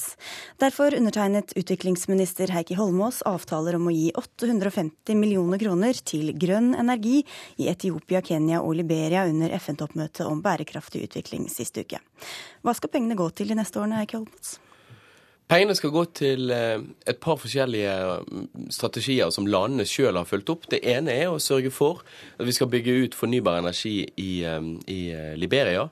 Det er et land omtrent, der omtrent 1 av landets befolkning har strøm, tilgang til strøm fra, fra nettet. Eh, de har, eh, vi i Norge er omtrent like stor befolkning, men har tusen, mer enn 1000 ganger så mye strøm som vi får produsere her, som det de har der nede. De trenger strøm. I Etiopia så skal vi erstatte en del dårlige kokeovner. For de bruker eh, kokeovner til matlaging. Det skal vi erstatte med mer effektive kokeovner, sånn at de bruker mindre tid på å skaffe seg Eh, tre og ved og trekull til å brenne. Og vi samtidig klarer å sørge for å redusere alle de helseskadene som ligger der. Det samme skal vi gjøre i Kenya, men der skal vi i tillegg sørge for å erstatte alle parafinlampene som brukes til å lage lys, med LED-lys istedenfor. Bellona-leder Fredrik Hauge, du var også til stede på toppmøtet. Hvilken klimagevinst tror du disse tiltakene vil gi? Nei, De kan utvilsomt ha en klimagevinst, men, eh, og, og, vi er veldig for at Norge skal bidra med eh, dette Energi for alle-programmet. Det jeg reagerer på, det er eh, både formen dette programmet har fått, og hvilke land som plukkes ut. Etter min mening så hadde disse landene, som er viktige eh, land når det gjelder tradisjonell bistand, eh, kunnet oppnå store miljøeffekter også ved at norsk bistand kunne vært lagt om til en mer miljøriktig måte. Jeg tror det også hadde vært veldig viktig å se på en del av de landene som man tradisjonelt ikke har et bistandssamarbeid med. Ikke minst tatt hensyn til at det har vært en arabisk vår, og at det er veldig viktig å få med de nordafrikanske landene. Og det mangler nå Energi Pluss, som det kalles, fullstendig. Slik at jeg har problemer med å se eh, helt hvorfor man legger dette opp i så tradisjonell bistandstenkning som man gjør. Jeg mener at det er ordninger som dekker dette allerede, og kunne tenkt meg en annen form på dette. Ja, Selger de inn et bistandsprosjekt nærmest som et klimaprosjekt? Ja, Nå er det stor sammenheng mellom bistand og klima, men det er klart at når vi ser på betydningen av regnskogspengene og det at det har ligget inn under Miljøverndepartementet eh, for å gi Norge en arena på de internasjonale klimaforhandlingene, så hadde jeg ønsket at også Energi Pluss hadde fått den organiseringen. Det er den ene biten. Så skulle jeg ønsket meg Hvordan organisering da? Nei, Jeg skulle ønske meg at dette programmet lå innunder Miljøverndepartementet, hadde styrket Miljøverndepartementets muligheter for å ha en internasjonal arena. Og så hadde jeg ønsket meg en mye mye sterkere fokus på bl.a. småskala sol. Eh, jeg skulle ønsket meg en mye mye sterkere fokus på det i flere land enn de tradisjonelle landene hvor vi allerede holder på. Her var det litt eh, forskjellig å ta tak i, Heikki Holmås. Eh, ta dette med din portefølje. Du vil gjerne ha det hos deg selv? Jo, Miljøverndepartementet er jo selvfølgelig sterkt inne i dette, denne satsingen, fordi at koblingen mellom miljø og utvikling er helt sentral. Dette her er jo generalsekretær Ban Ki-moon i FN sitt, eh, en av de aller viktigste initiativene han har hatt. Det er å si at vi skal ha grønn strøm til alle. Vi skal ha, For i dag er det 1,3 milliarder mennesker på jorden som ikke har tilgang til strøm. Det er avgjørende for å få til god utvikling for de landene som mangler strøm. Alle vet at du kan ikke klare å skaffe deg verken kjølelager til, eh, til, frukt og grønnsaker som du kan selge på et marked hvis du ikke har strøm. Du får ikke skaffet deg noe som helst av den grunnleggende si, verken maskinpark, alt fra sirkelsager til alt grunnleggende um, småindustriutstyr som du trenger å drive hvis du ikke har strøm. Derfor er det å skaffe strøm til folk har en avgjørende utviklingseffekt. Det vi gjør med dette programmet, da, det er å være en del av eh, generalsekretær Ban Ki-moon sitt initiativ ved å få på plass ny strøm flere forskjellige steder, ved å sørge for å energieffektivisere og ved å sørge for positive helsegevinster. Men jeg gir, jeg gir eh, Fredrik Hauge et poeng, og det er at det er klart at vi har valgt nå de landene som er blant de fattigste i verden, for det er der vi tenker at dette kan ha størst innvirkning og størst innflytelse. Men det er helt åpenbart at vi bør se på flere land etter hvert. Nord-Afrika har du trukket frem som, som ett eksempel. Jeg, eh, hvis dette lykkes i de landene som vi nå satser på, så vil vi også komme til å rulle ut i flere land etter hvert når jeg mente det at det burde ligge hos Miljøverndepartementet, så er det de som har de internasjonale klimaforhandlingene, og dette kunne gitt de et kontaktpunkt mot flere land som ikke har et tradisjonelt samarbeid med. Så dette er dårlig for Norges rolle? Nei, det er ikke dårlig for Norges rolle, men vi må passe på å bygge oss arenaer i de internasjonale klimaforhandlingene. Man har allerede stor kontakt med disse landene gjennom det tradisjonelle bistandssamarbeidet. Okay, så det er en sjanse man ikke, jeg, ikke, griper til å få Ja, og jeg er bekymret for at dette blir en del av den tradisjonelt, og jeg mener litt konservative tankegangen vi har omkring bistandspolitikk. Det er da det har vært en mulighet for å revitalisere det, og den synes jeg man ikke benytter. Og så har jeg lyst til å si en ting til. Jeg synes også, Selv om jeg er grunnleggende positiv til initiativet, så er det viktig at ikke Norge blir stående alene. Og jeg har vært veldig forbauset over eh, manglende initiativer for å for f.eks. få med seg EU eller andre land på dette initiativet. Og her kunne regjeringen ha jobbet på en mye mer profesjonell måte. Men, men, nå forstår jeg ikke hva Fredrik Hauge snakker om. For vi har med oss en rekke partnere på Energi Pluss-initiativet. altså på det energi- og klimainitiativet man, man har ikke med seg EU eller andre land som givere. om Poenget med å gjøre dette må være å skape en dominoeffekt. og Der håper jeg at regjeringen legger opp til en offensiv politikk. Og vi bistår gjerne med å få flere aktører med. Nå avbrøt du meg, Fredrik Hauge, for vi har en rekke internasjonale aktører med. Vi har de største investeringsbankene med. Vi har eh, store samarbeidspartnere. Noen av disse prosjektene kommer vi til å samarbeide med andre EU-land om. Eh, vi, eh, men jeg er helt enig i at det som er nødvendig å gjøre eh, etter hvert, er å sørge for å vise at dette kan lykkes på de enkelte land, og så er det å få med oss privat kapital. Fordi her, her, unnskyld, det blir veldig mange elementer her, men Heikki Holmås, også et av de andre poengene her, altså at dette suges opp i en gammeldags og tradisjonell bistandstanke. Nei, vet du hva? En av de tingene vi har fått ros for med det initiativet, er at vi har lært av, av bl.a. det vi gjør på klima- og skogprosjektet.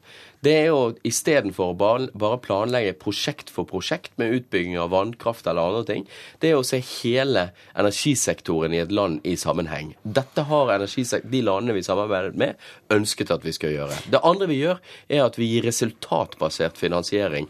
Du får ikke en krone eh, fra Norge eh, og fra samarbeidsland før du har klart å levere resultater. Men hvordan skal dere måle de resultatene, da, hvis landene etter beste evne prøver å, å, å, sette i gang prosjekter som ikke kan vise seg og dokumenteres å ha noen klimaeffekt, f.eks.? Nei, det skal vi selvfølgelig ha knallharde kontrollmekanismer på. Akkurat som vi har knallharde kontrollmekanismer på, eh, på det vi gjør på skogsiden. Du får ikke penger fra Norge eh, på skogsiden hvis du ikke klarer å vise til redusert avskoging. Og på samme måte vil vi ha det med, med det energi- og klimainitiativet. Du får ikke noe penger av Norge før du klarer å vise til resultater. Og det er en av de tingene som gis ros til internasjonalt for at vi gjør i Norge.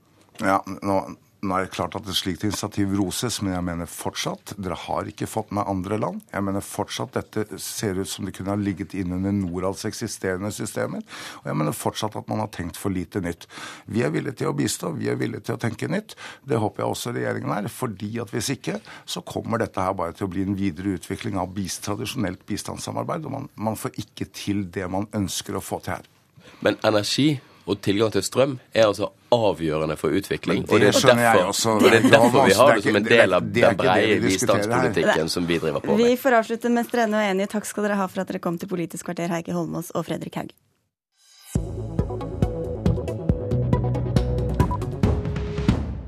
Arbeidslivspolitikk kan bli viktig i tiden før valget neste høst. Og nå spisses budskapet i både Sosialistisk Ungdom og Unge Høyre, som har hatt og har landsmøter i disse dager. Paul Joakim Sandøy, du er nyvalgt leder i Unge Høyre. Hva slags endringer ønsker dere i arbeidslivspolitikken? Det viktigste vi ønsker å gjøre i arbeidslivspolitikken, det er å åpne opp arbeidslivet, særlig for ungdom. Det gjør vi gjennom å åpne opp for flere midlertidige ansettelser for å gi unge muligheten til å få foten innenfor arbeidslivet. Åpne opp for søndagsåpne butikker, som gjør at det blir mange flere deltidsstillinger som er attraktive for ungdom.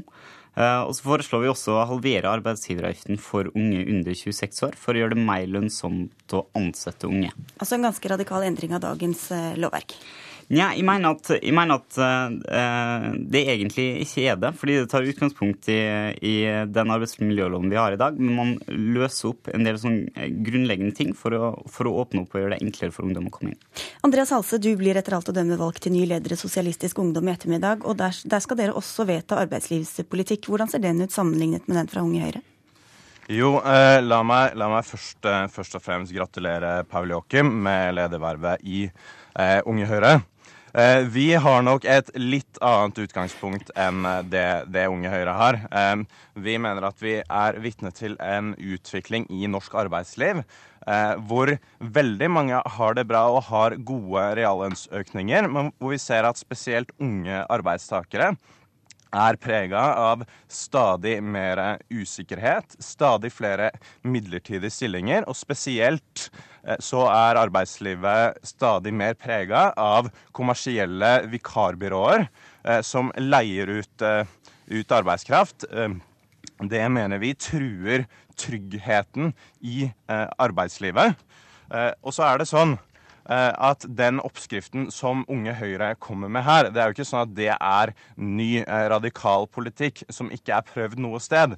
I Spania så har man jo gjort det Unge Høyre sier, med mer midlertidighet, eh, mer fleksibilitet, som de kaller det i arbeidslivet. Der er arbeidsledigheten 50% I Sverige så har de Det er vel andre de... årsaker til det også, men vi får bare avbryte deg litt for å ta inn Sandøy her. Hva hjelper det å komme inn i arbeidslivet hvis tilstandene de møter der er uforutsigbare, stadig midlertidighet?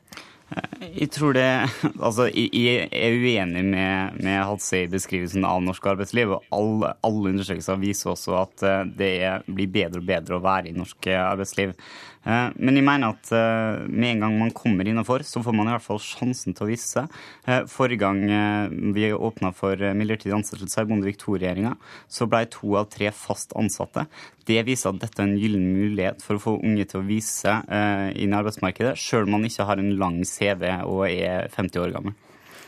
Halse, hva slags virkemidler vil dere ha? Altså dere, SU går lenger enn SV, og Unge Høyre går lenger enn Høyre på sin eh, side. Hva slags virkemidler vil, vil dere ha som moderpartiet ikke har tatt til ennå? Jo, altså Når vi ser utviklinga i norsk arbeidsliv, spesielt innenfor bransjer som, eh, som bygg og anlegg, innenfor industrien mange steder, hvor veldig mye, spesielt utenlandsk arbeidskraft, blir leid inn og underbetalt av kommersielle vikarbyråer, så ønsker vi på sikt å gjeninnføre forbudet mot den type utleievirksomhet. Vi anerkjenner at det fins et vikarbehov i arbeidslivet, men vi mener at det er fullt mulig eh, å løse innafor den enkelte arbeidsplass og innafor offentlige løsninger. Altså Nav, da? For eksempel, og så kan man også se for seg både kommunale og statlige vikarpooler. Mm. Um, og så må jeg bare si det til, til Unge Høyre, at forrige, han skryter av den forrige høyreregjeringa. fordi at mens de åpna for flere midlertidige, så var det 120 000 arbeidsledige i Norge. Høyres arbeidsminister den gang, Viktor Nordmann, mente at det fortsatt ikke var nok arbeidsledighet for å oppnå et sånt samfunnsøkonomisk mål. For oss så er det viktigste at folk har jobb, at de skal være stabile, og det skal være trygge, faste faste jobber. Hva slags konsekvenser får det hvis SU hadde fått det som de vil, Sandøy? Nei, eh, for, altså det veld... La oss ikke snakke om fortida nå. Dere er de unge, nye politikerne som skal se framover. Eh, det, eh, det, er et veldig dårlig forslag. Det, det er flere grunner til det. For, det. for, det. første så er jo grunnen til at det er mange unge som i dag går til vikarbyråer og får, kommer inn på den måten, er jo at vi har et rigid arbeidsmarked. Og det er den eneste døra som er åpen inn for veldig mange som sliter med å komme på arbeidsmarkedet i dag. Og hvis SU er opptatt av det da heller skal skje gjennom, altså med et forhold til bedriftene, så burde man jo støtte Unge Høyre sitt forslag om å åpne for midlertidige ansettelser, sånn at det går på bedriftene, i stedet for gjennom et vikarbyrå.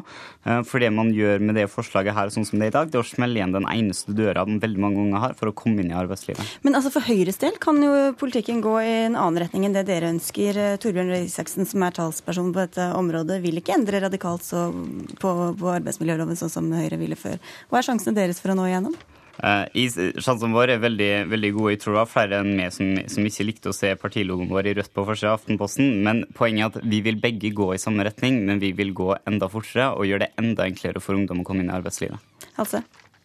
Ja, eh, jeg er uenig i at vikarbyråer i seg selv skaper muligheter og skaper arbeidsplasser.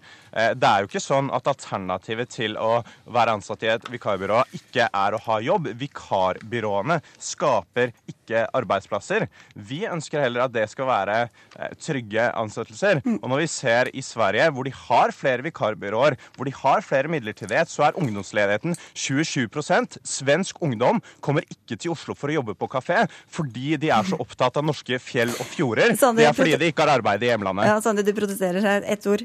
Ja, altså, Arbeidsledigheten i Sverige var høyere da venstresida styrte. og Grunnen til at den er såpass høy fortsatt, er at de har enda mer rigide arbeidsmiljølov enn oss. Og Dette blir nok et tema fram til valget. Takk for at dere kom, Andreas Halse og Paul Joakim Sande. Jeg heter Sigrid Solund. Et politisk kvarter er gått, men hold deg på P2 utover dagen.